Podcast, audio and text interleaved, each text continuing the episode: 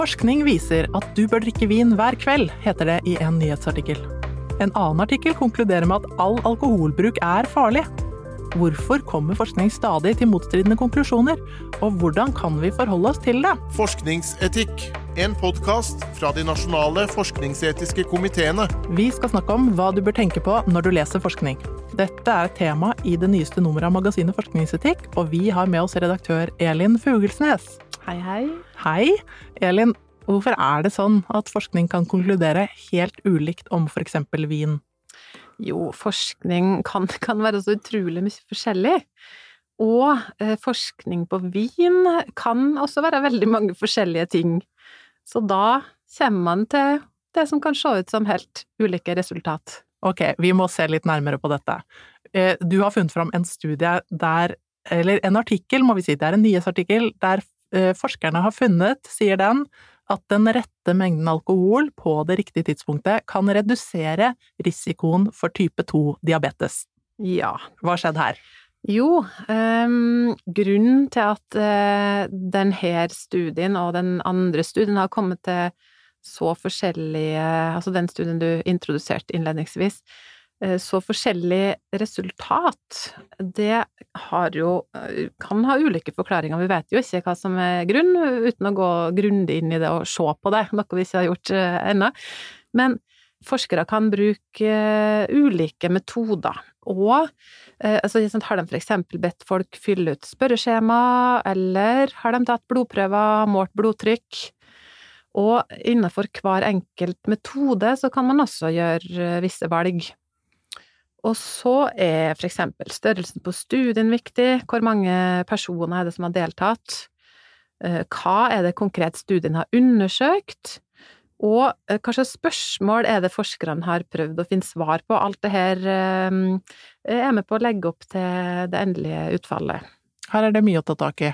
Ja. Og, og, og så kan man vel egentlig si også at noe forskning rett og slett er dårlig. Ok, hva er dårlig forskning? Jo, utfallet av dårlig forskning er i hvert fall eh, studier som av ulike årsaker ikke er pålitelige eller etterrettelige. For eksempel kan de vise en effekt som ikke er der i virkeligheten. Og det igjen kan da ha ulike utgangspunkt. Altså det kan handle om dårlige metodiske valg, dårlig designa eksperiment, eh, kanskje manglende kjennskap til eller evne til å gjennomføre den metoden man har valgt, og i neste ledd feiltolkning av data, enten bevisst eller ubevisst, da og kanskje ytterste fall uredelighet, eller i verste fall, da, kan man vel si. Og det er jo bare før forskningen kommer ut til folket. Mm. Eh, og så er det også et tema i magasinet ditt at eh, det kan være mange ledd som forskningen er innom før det publiseres ut. Mm, absolutt. Fordi når eh, forskerne sitter og forsker, Eh, det, det er én ting. Hva, hva, er det de har gjort? Og så eh, skal jo de få forskninga si ut. Ut til et eller annet, en målgruppe. Og da eh, er det jo Det første spørsmålet er jo da hvordan har de formidla det her Altså forskninga si og funnet vitenskapelig ja, for vitenskapelig publisering er på en måte første skranke for ja, forskerne? Ja, det er jo som regel, ikke alltid, men eh, det er gjerne det som er første stopp. Ja. Og da eh, er det jo slik, altså det kan vitenskapelig publisering, da snakker vi om for eksempel de store som er kjent for mange, Nature, Science, eh, Lancet, og det kan også være så klart mange mindre og også nasjonale tidsskrift. Og de vitenskapelige tidsskrifter de vil jo også ha eh, lesere. De vil jo eh, fenge, fenge, folk og få folk til å kjøpe tilgang til sine tidsskrift. Og derfor så vil de også vinkle eh, De vil ha den vitenskapelige artikkelen så fengende og spenstig som mulig, da. Ja, så allerede så, her kan det skje en, ja, en liten vridning. Og det tror jeg nok mange ikke er klar over, men mm. det er en lang prosess fra forskernes første utkast og til til et endelig manus uh, kommer inn i tidsskriftet. Og så vil man jo nå utover den uh, mer enge forskerkrets uh, eller akademia, og um, på en institusjon så har man kanskje et ønske om at en pressemelding om forskninga skal bli sendt ut. Da er det kommunikasjonsavdeling, eh, gjerne, som eh, kanskje hjelper forskeren eh, med å utvikle den pressemeldinga, eller utforme den. Og der vil man ha oppmerksomhet. Man vil at folk skal lese pressemeldinga, lese forskninga. Og så plukkes kanskje det her opp av journalister, som vil ha lesere til å klikke på akkurat den saken, høre på akkurat den nyhets, det nyhetsinnslaget. Og media sitter media som sitter andre media som sitter andre media igjen. og der så, har vi det gående. Da har vi det gående. Mm. Ja, så da kan det skje ganske mye med forskningen på vei ut til folk. Absolutt. Ja, men hva er det første du en, en, som leser kan gjøre, da, for å manøvrere i forskningen? Ja, altså det, det spørs jo litt hva eh, omstendighetene er. Eh, jeg vil eh, først bare slå et lite slag eh, for en mer sånn hva skal man kalle det, allerede fra første instans, da, så bør man eh, gjøre litt mer enn bare å eh, lese tittelen og ingressen, eh, eller i verste fall bare det som noen andre har kommentert på Facebook om forskninga som noen har gjort. Eh, og så at man da gjerne videreformidler det sjøl, uten å sette seg inn i hva som egentlig eh, står i artikkelen. Så les artikkelen, første Les artikkelen, det er første bud. Les den, den, eh, altså mediesaken, eller hør, hør den, eller se den, da. Eh, og så, hvis det virker sensasjonelt, eh, eller liksom for godt til å være sant, så bør man gå grunnlaget litt nærmere etter i sømmene gå til originalartikkelen, helst, hvis, den, hvis, det finnes en slik artikkel, og, og, hvis du har tilgang. Ja. Ja. For her, er det, her dukker det opp flere spørsmål med en gang. Det gjør det, ja. ikke sant. Så eh, vi kan komme litt tilbake til det snart. Eh, men hvis man nå eh, da sier at man finner denne vitenskapelige artikkelen, og begynner å lese i den, så kan eh, man eh, ha, stille seg et eh, innledende spørsmål. Er det egentlig forskning det er snakk om? For det finnes eh, ting som ligner på forskning, men som ikke er det, eh, og, og som dermed da ikke har fulgt de vitenskapelige kravene til kunnskapsproduksjon. Det kan være for eksempel meningsmålinger, eh, utredninger, undersøkelser, ja. ja. Men det at det er publisert vitenskapelig, altså i et vitenskapelig tidsskrift, det er et tegn på at det er forskning, gjerne? Ja, ja nettopp. Ja. Det er det. Så hvor det er publisert skal være Det kan være en, en kontroll? Ja. ja. Det er første, en første kontrollpost, gjerne. Mm. Men, ja. men uh, si litt om den prosessen som ligger bak vitenskapelig publisering. Litt mer om det. Ja. Uh, det er jo uh, bygd opp på en slik måte at forskere skriver manus eller utkast til artikkel. Så skal fag, såkalte fagfeller, fagfeller, det vil si eksperter på samme område, samme fagfelt, samme problemstilling, skal gå gjennom eh, artikkelen og komme med kommentarer, innspill, spørsmål til alt fra eh, formuleringer, metodiske valg, eh, dataanalyse, alt som handler om, eh, om forskninga og det som er skrevet. Og så skal, skal den, går den flere runder artikkelen fram og tilbake til forsker, fagfelle, og så endelig, ved endelig godkjenning da, fra fagfellene, så eh, blir det eh, redaktør eller redaksjon i tidsskriftet da, som eh, til slutt avgjør om artikkelen skal publiseres.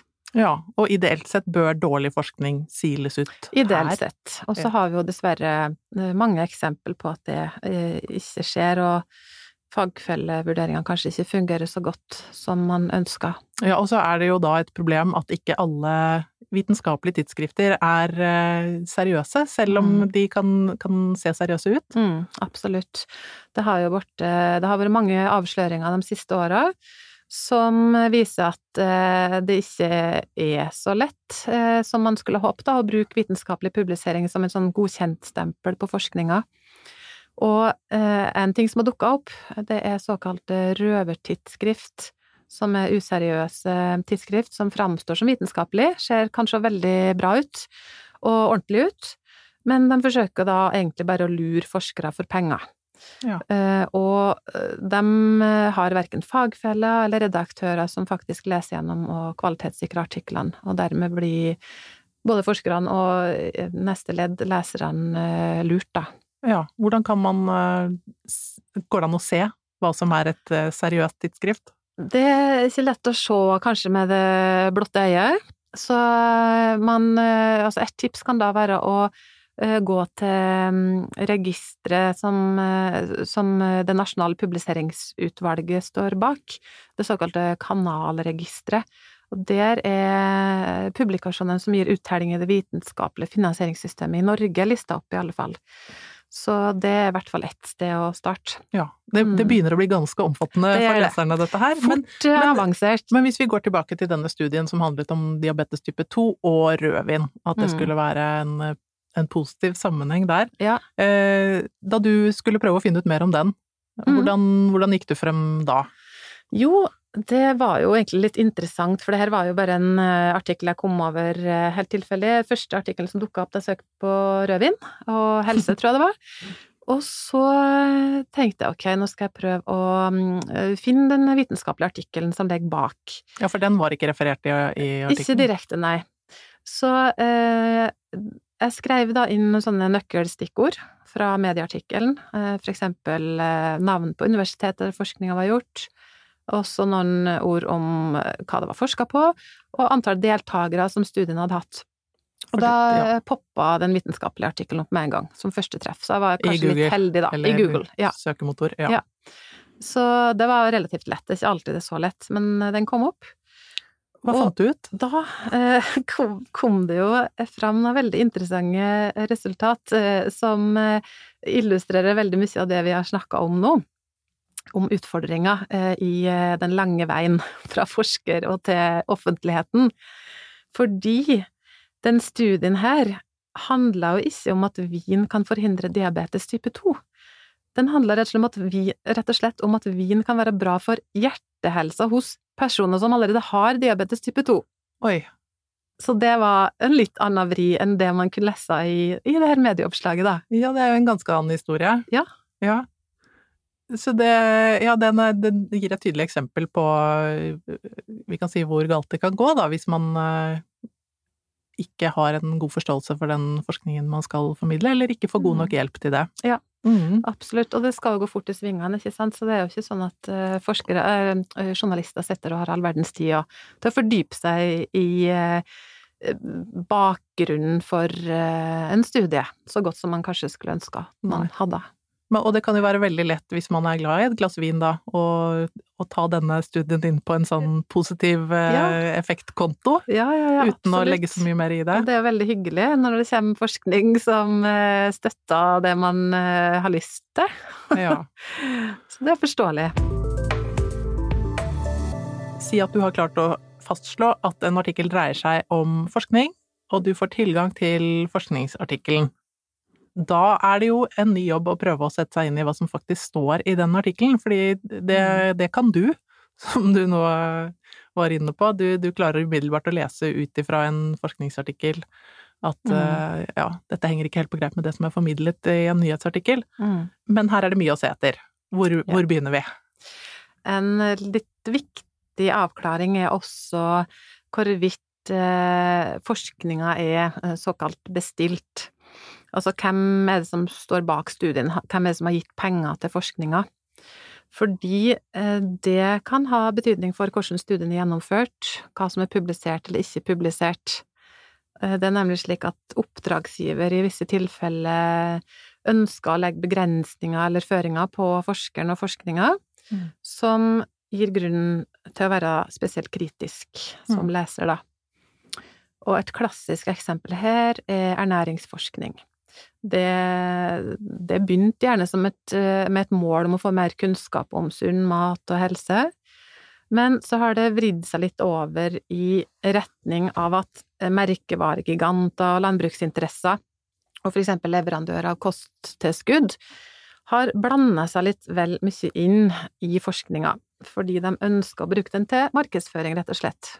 Ja, så Mm. satt på spissen så kunne man tenke seg at det var en vinprodusent som hadde eh, som sto bak den Mhm. diabetes og rødvin-artikkelen. Og det kan jo være greit. Det er jo ikke sånn at alle vinprodusenter eh, gjør uh, ugreie ting med forskninga, men eh, eh, de har jo gjerne et mål. Eh, de har jo en business de skal eh, drive. Mm. Og da Det er i hvert fall god grunn til å være litt skeptisk, eller bruke det kritiske blikket litt, eh, litt ekstra, da. Ja, og interessekonflikter er noe forskere skal oppgi i en artikkel. Det stemmer. Ja. Så det er i hvert fall et krav, og så viser det seg jo at ikke alltid det blir gjort. Men det er ikke så lett for den jevne leser å, å finne ut av det. Nei, men Nei. i hvert fall hvis, hvis du ser at det er noe der, Mm. så, så kan det være verdt å Ja, merke seg. nettopp. Men så er det dette med metode. Hva Mm. slags metode som er brukt. Det har du jo Ja. også nevnt at, eh, at vil ha noe å si. Ja. Og da eh, er jo et viktig spørsmål å stille seg der, eh, hvem er det det er forska på? Og bare for å trekke fram et eksempel fra min fortid som fersk helsejournalist, da skrev jeg ofte om studier som hadde spennende, oppsiktsvekkende funn, som det var litt sånn å, kult, det her blir bra. Og det var gjerne forskning fra utlandet, og så ville vi gjerne ha norske eksperter eller forskere da, eh, på samme tema, som kunne kommentere og si noe om betydninga av det her, eller hvor spennende og interessant er det her. Og da opplevde jeg flere ganger at de sa at eh, jo da, det er spennende, interessant, eh, men det her er jo eh, gjort på mus. Og da gikk det opp for meg den forskjellen. Ja, ja, for det er en forskjell på mennesker og mus. Det er forskjell, og eh, vi er lik på mange måter, og det er derfor man eh, bruker mus. Eh, altså mus er veldig populært eh, og utbredt i forskning. Men det er også forskjell eh, fra dyr til menneske. Eh, for eksempel når det gjelder eh, altså, ikke sant, både fysiologisk um, og eh, inn, på enkelte områder uh, kan det være store forskjeller som det er viktig å vite om eller ta hensyn til. Men hvis det faktisk er forsket på mennesker da, er det, er det forskjell på mennesker og mennesker også? Ja, absolutt. Så det, det vil være relevant å se på for eksempel hva slags gruppe mennesker det dreier seg om. Er det, er det unge, eller er det gamle? Eh, Det er ikke nødvendigvis slik at man kan overføre resultat eh, mellom disse gruppene. Altså, ja. Nei, vi har jo en forskningshistorie der det er eh, eh, voksen hvit mann, vel, som har vært Mm. standard forsøksperson i veldig mange, eh, veldig mange eksempler, og Mm. da blir overføringsverdien både til eldre og yngre, og ikke minst Mm. kvinner, Mm. Eh, litt begrenset. Dette er jo et tema som kjønnsforskningen har vært eh, opptatt av. eh, Absolutt. Og for eksempel vet vi at barn har At det var utfordringer knytta til behandling, altså medisin, opp mot barn, fordi de ofte ikke har vært inkludert i forskninga. Så da er det ikke alltid at det er så greit å mm, overføre resultat til mm, behandling av barn, da. Ok, så hva, hva, hvem har det vært forsket på? Og Ja. så er det Men det er ikke Det er ikke bare hvem heller? Nei. Nei, fordi eh, det neste man kan se etter da, er mm, hvor mange det er forska på. Og tommelfingerregelen er jo at eh, jo flere deltakere, jo bedre. Men det kommer alltid et men. Ja. Fordi et utvalg som ikke er representativt, det er mye verre enn et lite utvalg. Eh, For eksempel et eksperiment der forskere spør ti, si 10 000 næringslivsledere om synet på norsk EU-tilknytning. Det vil jo ikke gi representative data for befolkninga som helhet. Ok, så utvalget må representere de du tar det til inntekt for? Ja, ikke Ja. sant. Eh, For eksempel et eh, representativt utvalg på 500 personer i den sammenhengen her vil, vil nok gi et mye riktigere bilde enn så her 10 000 næringslivslederne, da. Ja. Og så er det heller ikke slik at små studier eh, alltid eh, har dårlig kvalitet. Eh, noen kvantitative studier kan være gode selv om de er små, for eksempel studier på antibiotika, fordi antibiotika er så effektivt. Mm. Og kvalitative studier, de går i dybden heller enn i bredden. Der, der man for eksempel da intervjuer eller observerer et lite utvalg personer, og analyserer grundig dataen derifra. Ja, så det er ikke noe absolutter her heller. Nei. Nei. Og så kan vi også nevne at eh, store mengder ikke er det samme, alltid det samme som god kvalitet. Eh, noe som Altså, stordata er et veldig tydelig eksempel på det. Her har vi jo eh, det begrepet junk in, junk out. Ja. Så om du putter inn en hel haug med data eh, og skal få ut noe i andre enden, og så er de dataene av dårlig kvalitet eller eh, ikke representative i det hele tatt, eh, så får man dårlig, dårlig utfall. Ja. Mm. Du kan ikke bare pøse på med masse data og tenke at da glatter det over det som er skjevheter, for Nei. Absolutt ikke. altså, dette er jo åpenbart ikke enkle vurderinger. Er det sånn at uh, det har blitt så mye forskning? Er det litt av problemet her? At, eh, at eh, forskning har blitt så Mm. spesifikt? At det blir vanskelig for folk å følge med? Ja, det, det tror jeg nok absolutt. Og det er jo en enorm mengde forskning eh, som eh, produseres, og forskninga skal eh, ut, eh, den skal ut fort, og det om å gjøre å lage mange artikler. Eh, forskninga deles opp i små biter eh, med bitte små funn som eh, presenteres i sine enkelte artikler. Så den her helheten er kjempevanskelig å få oversikt over til slutt. Men der finnes det også et verktøy. Ja, ikke sant, fordi det er jo heldigvis noe som heter eh, kunnskapsoppsummeringer. Og det er nok eh, Altså, i stedet for da å la seg overbevise av enkeltstudier, hvis man virkelig eh, har lyst til å, å forstå forskninga, da, og hva som finnes eh, av resultat på eh, et tema, ja, da, da bør man heller eh, prøve å lete etter sånne kunnskapsoppsummeringer. For de ser på flere studier? De ser på flere studier. De eh, er en sammenfatning av relevante studier om ei problemstilling. Og de kan gi et balansert bilde da, av hva som er gjeldende kunnskap på eh, området per i dag. Ja, så de løfter blikket litt, men, eh, Mm. men så er ikke dette den endelige løsningen heller, du. Nei, det er jo det som er så dumt, vet du, fordi eh, det har jo vært det har vært eh, utfordringer, eller viser seg at det er utfordringer med sånne kunnskapsoppsummeringer også. Og ja, det er rett og slett um, ikke så lett for dem som sitter og skal lage altså kunnskapsoppsummeringene her, å uh, gjøre alt riktig. Fordi de må også gjøre noe valg underveis. Og hva forskeren velger, det åpner for at eh, bevisste eller ubevisste skjevheter, eller sånn bias, kan snike seg inn. Ja, så da har man for eksempel sett eh, et eksempel er fra USA, der de har sett Mm. på eh, sammenhengen mellom bruk av voldelige videospill og aggresjon i det virkelige livet, og det var en studie som fant at det ikke var noen sammenheng, og en studie Mm. som fant at det var en tydelig sammenheng. Mm. Begge to store kunnskapsoppsummeringer. Man kan fortsette å bli forvirret, og så er det vel i tillegg et problem at det er ikke alle studier som blir publisert, og derfor Nei. ikke kommer med i denne oppsummeringen. Ja, ikke sant, og det er jo det er en klassisk problemstilling som har vært løfta fram i mange år. Eh, Og for eksempel når det gjaldt det her med medievold, så um, håndterte forskergruppen på ulike måter denne utfordringen med at mange studier ikke var publisert. Og den de brukte eh, også ulike kriterier for hva slags studier som hadde god nok kvalitet til å bli inkludert. Mm.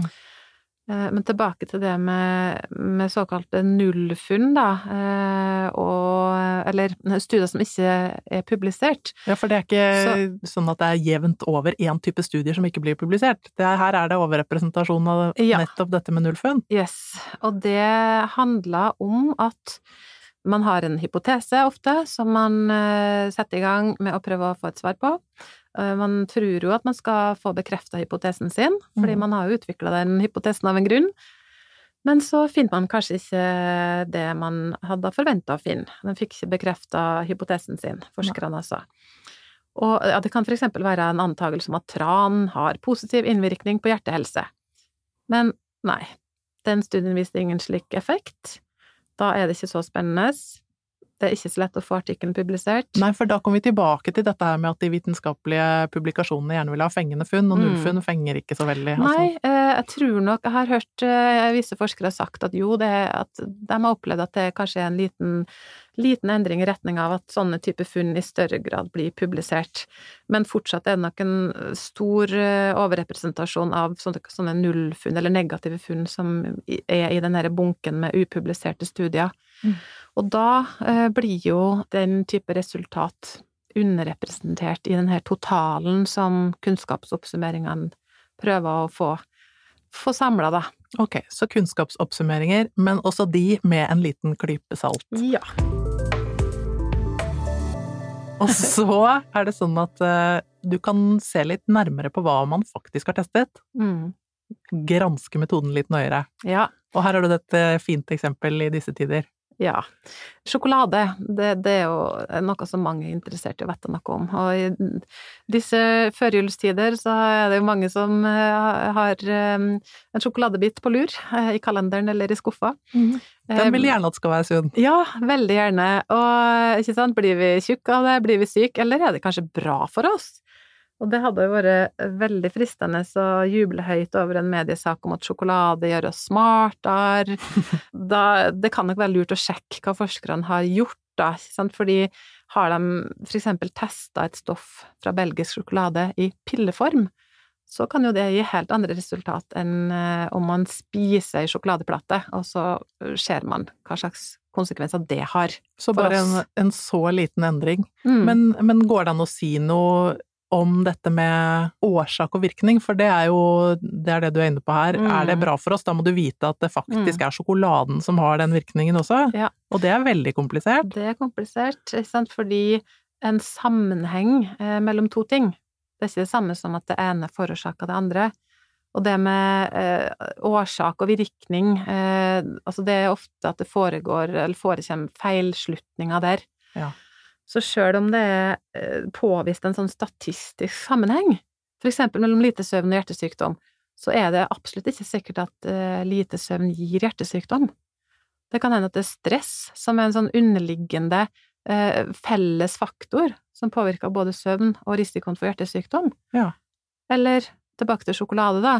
Eh, forskning som tyder på at belgisk sjokolade gir lavere BMI, hurra! Men så viser det seg at jo, hm, ja, kanskje det er slik heller at det er bare rike, eller folk med god råd, da, som kan kjøpe belgisk sjokolade. Og dem har jo også råd til personlig trener, gitt. Ja, Så det var jo flaks! nå er du inne på litt sånne nesten spurious correlations, som det heter. Yes. Det fins en helt egen nettside som kan være en god underholdning. Eh, Et tips der til, til eh, julemoro. Eh, Mm. Det er en nettside som viser korrelasjoner i USA, altså sammenhenger, men det handler ikke om årsak-virkning. En sånn type sammenheng kan eksempel være at det er eh, Ja, en sånn sammenheng kan eksempel være mellom antallet mennesker som dør ved å bli rullet inn i sitt eget sengetøy, og osteforbruk per person. Det er en helt åpenbar sammenheng mellom de to kurvene, men at det skulle være en årsak og virkning, et årsak-virkning-forhold, det er vel litt uh, far-fetched. Kanskje bitte litt søkt, men eh, ja, hvem veit? Men det krever i hvert fall en helt annen studie, eller en helt egen studie å finne det ut. Ja, ikke sant, fordi eh, en av de mest egna metodene eh, å bruke når man skal finne ut av hvordan to ting egentlig henger sammen, det er en, det som kalles for randomisert, kontrollert studie. Her er det mange vanskelige ord. Eh, Randomisert, det vil si at eh, eh, deltakerne blir liksom tilfeldig, altså random, randomisert, fordelt i to grupper. Og de her to gruppene skal da sammenlignes. Grunnen til at de fordeles sånn tilfeldig, det er jo fordi at eh, forskjellene eh, mellom gruppene skal jevnes ut. Og kontrollert, det betyr at forskerne ikke kan påvirke resultatet. Eh, Det kan jo, det kan man jo gjøre ubevisst også, ikke sant, at man har en eh, Man gjør valg eh, ubevisst fordi man har en idé om hva som bør bli, bli utfallet. Du smiler litt ekstra til den som får sjokolade. Ja, for eksempel, ikke sant? Eh, og um, så, så forskerne skal for eksempel da ikke vite hvem som får sjokolade, og hvem som ikke får det. Det er egentlig den eneste sikre måten å si noe om årsak og virkning på. Ja, og så må man utelate alle andre faktorer som kan ha en innvirkning, Ja. eller i hvert fall ta Ja. høyde for dem. Ja, så dette er komplisert. Ja. Og så, eh, nå har vi tulla litt, og det er kjedelig å bli lurt, selvfølgelig, av eh, feil formidling av Mm. forskning. Men det er jo et alvor i dette her òg, for det kan være ganske skummelt med vitenskapelige eller uriktige konklusjoner som spres som vitenskap. Helt sikkert. Og feil feilinformasjon kan få alvorlige konsekvenser. Og det er jo et sånn klassisk eksempel som sikkert mange kjenner til, som handler om eh, forskeren Andrew Wakefield og hans forskning på MMR-vaksinen, altså meslingvaksinen, eh, deriblant meslinger, og autisme. Eh, Og det er egentlig et kroneksempel på mange av punktene som vi har vært innom i den podkasten her. For han Eh, mente at det var en sammenheng. Han han mente at det var en sammenheng at MMR-vaksinen eh, forårsaka eh, en eh, betennelsestilstand i tarmen, og også, eh, som en sammenheng med det, autisme. Og det her ble eh, publisert i en vitenskapelig artikkel i tidsskriftet The Lancet i 1998. Han, sammen med mange andre forskere, eh, skrev den artikkelen, altså Wakefield. Og denne forskninga ble slått stort, stort opp i, i media. Så klart, kjempeinteressant. Autisme, skummelt, eh, ingen vil at ungene skal få autisme. Og eh, vaksinefrykten spredte seg, da.